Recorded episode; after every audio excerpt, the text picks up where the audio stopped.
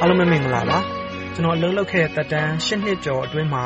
စီမံခန့်ခွဲမှုနေရာမှာနေခဲ့တဲ့တောက်လျှောက်ကျွန်တော်ထားရှိခဲ့တဲ့စိတ်နေစိတ်ထားနဲ့ကျွန်တော်အလုပ်လုပ်တဲ့ပုံစံကိုအားလုံးအတွက်တခုခုများရနိုင်မလားဆိုတဲ့မျှော်လင့်ချက်နဲ့ပြောပြပေးမှာပါ။ပထမဦးဆုံးတချက်ကတော့ဘာလဲဆိုတော့ကိုယ်ဘယ်နေရာတော်လဲဆိုတာကိုအချိန်ပေးပြီးစဉ်းစားကြည့်ကြည့်ပါ။တချို့တွေက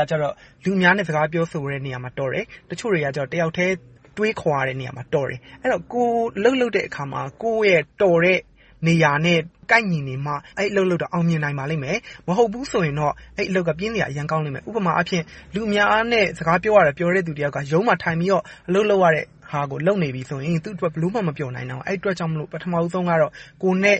ကိုယ့်ရဲ့တော်တဲ့နေရာကို စဉ်းစားကြည့်ကြည့်ပါ။နောက်တခုက ကိုယ်ယုံကြည်တဲ့အရာအတွက်ပဲ အလုပ်လုပ်ပါ ကိုယ်မယုံကြည်တဲ့အရာတခုအတွက် အလုပ်လုပ်တဲ့အခါမှာ အဲဒီအတွက် ဖွံ့ဖြိုးဖို့အတွက် အရမ်းခဲယဉ်းပါတယ်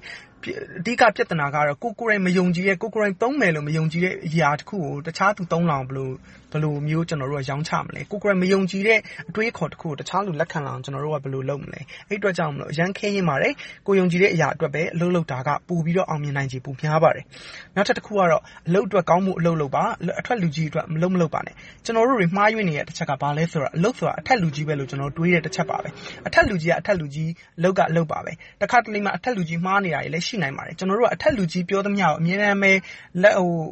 သူဘာပြောပြောဆိုရင် ကျနော်တို့က အလုပ်ကို မေ့သွားတတ်ပါတယ်။အဲဒီအတွက်ကြောင့်မို့ ကျနော်တို့က အလုပ်နဲ့ အထက်လူကြီးကို ခွဲပြီးတော့ ကြည့်ရမယ်။အလုပ်အတွက်ပဲ ကောင်းဖို့အတွက်ဦးတည်ချက်ထားပါ။အထက်လူကြီး ကိုယ့်ကို သဘောကျပါစေဆိုတဲ့ ပုံစံမျိုးနဲ့ ဦးတည်ချက် မထားပါနဲ့။အဲဒါကပဲ ကိုယ့်ကို ပိုပြီးမြင့်မားတဲ့ဘဝကို ရောက်ရှိစေနိုင်ပါတယ်။နောက်ထပ်တချက်ကတော့ သက်သာတဲ့အလုပ်ကို မမျှော်လင့်ပါနဲ့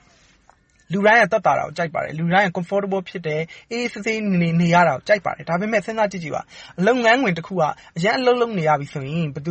က်သာမှု မရှိပါဘူး။ဒါပေမဲ့ အဲဒီလိုသက်သာနေပြီ ဆိုကတည်းကကိုယ်က ချောင်ထိုးခံနေရပြီ၊ချောင်ထဲမှာ ရောက်နေပြီဆိုတာကို စဉ်းစားကြည့်ပါ။နောက်တခုက ကိုယ့်ကိုယ်ကို အကဲဖြတ်ပါ။တန်ရာတန်ကြေးတောင်းပါ။တန်ရာတန်ကြေး တောင်းပြီးပြီဆိုရင်လဲ အဲဒီတန်ရာတန်ကြေးအတိုင်း ပြန်မပေးနိုင်ဘူးဆိုရင် ရှက်စရာကောင်းတယ်ဆိုတာကို သတိရမယ်။ကျနော်တို့က ဘာလဲဆိုတော့ ရင်ထဲမှာ မကျေမနပ်တွေ ဖြစ်နေတယ်။ဘာလဲဆိုတော့ ငါ့ကို တန်ရာတန်ကြေး မပေးဘူး။ငါ တန်ရာတန်ကြေး မရဘူးဆိုတဲ့ ခံစားချက်တွေ ဖြစ်နေတယ်။အဲဒီအတွက်ကြောင့် အလုပ်မှာလည်း အဲဒီဟာက ထိခိုက်တယ်။ကျနော်တို့ အဲဒီလိုမျိုး မဖြစ်စေဘဲနဲ့ ကိုယ့်ရဲ့ တန်ရာတန်ကြေးကို အကဲဖြတ်ပြီးတော့ တောင်းဖို့အတွက် မရှက်ပါနဲ့၊မကြောက်ပါနဲ့။ဒါပေမဲ့ အဲဒီလိုမျိုး ရပြီဆိုရင်လဲ ကိုယ့်ဘက်ကနေ ပြန်ပေးဖို့ဆိုတာကိုလည်း မမေ့ပါနဲ့။နောက်တချက်ကတော့ ဘာလဲဆိုတော့ ကိုယ်လိုချင်တာကိုပဲ၊ကိုယ်ပေးချင်တာကိုပဲ မစဉ်းစားပါနဲ့။သူ ဘာလိုချင်တာလဲကို စဉ်းစားပါ။ဒါက Marketing ရဲ့ သဘောပဲ။ကျနော်တို့က အရောင်း အရောင်းတယောက် ဖြစ်လာပြီဆိုရင် ဝယ်ယူသူတယောက်ရဲ့ ခံစားချက်ကို မေ့သွားတယ်။တကယ်တမ်းမှာကြတော့ ဝယ်ယူသူတယောက်က ဘယ်လိုတွေးလဲဆိုတဲ့ ခံစားချက်ကို မမေ့မှသာ အရောင်းနေရာမှာ အောင်မြင်နိုင်ပါလိမ့်မယ်။နောက်ဆုံးတချက်ကတော့ ဘာလဲဆိုတော့ လုပ်ငန်းခွင်လုပ်တဲ့အခါမှာ ဘယ်အလုပ်မှာပဲဖြစ်ဖြစ် အားလုံးကျေနပ်ဖို့ မမျှော်လင့်ပါနဲ့။ကျနော်တို့က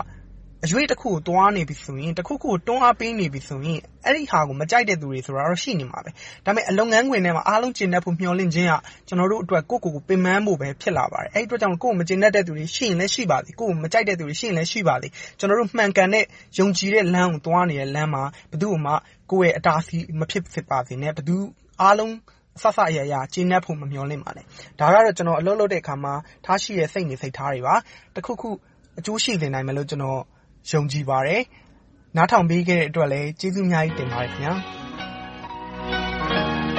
အပတ်စဉ်တင်ဆက်နေတဲ့ သူ ယုံကြည်ရာကဏ္ဍ အတွက် ဘယ်လိုအကြောင်းအရာမျိုးမှမဆို ကိုယ်ယုံကြည်ရာလေးတွေကို ပါဝင်ဆွေးနွေးပေးဖို့ ဖိတ်ခေါ်ပါရစေ။အီးမေးလ်လိပ်စာ burmese@voanews.com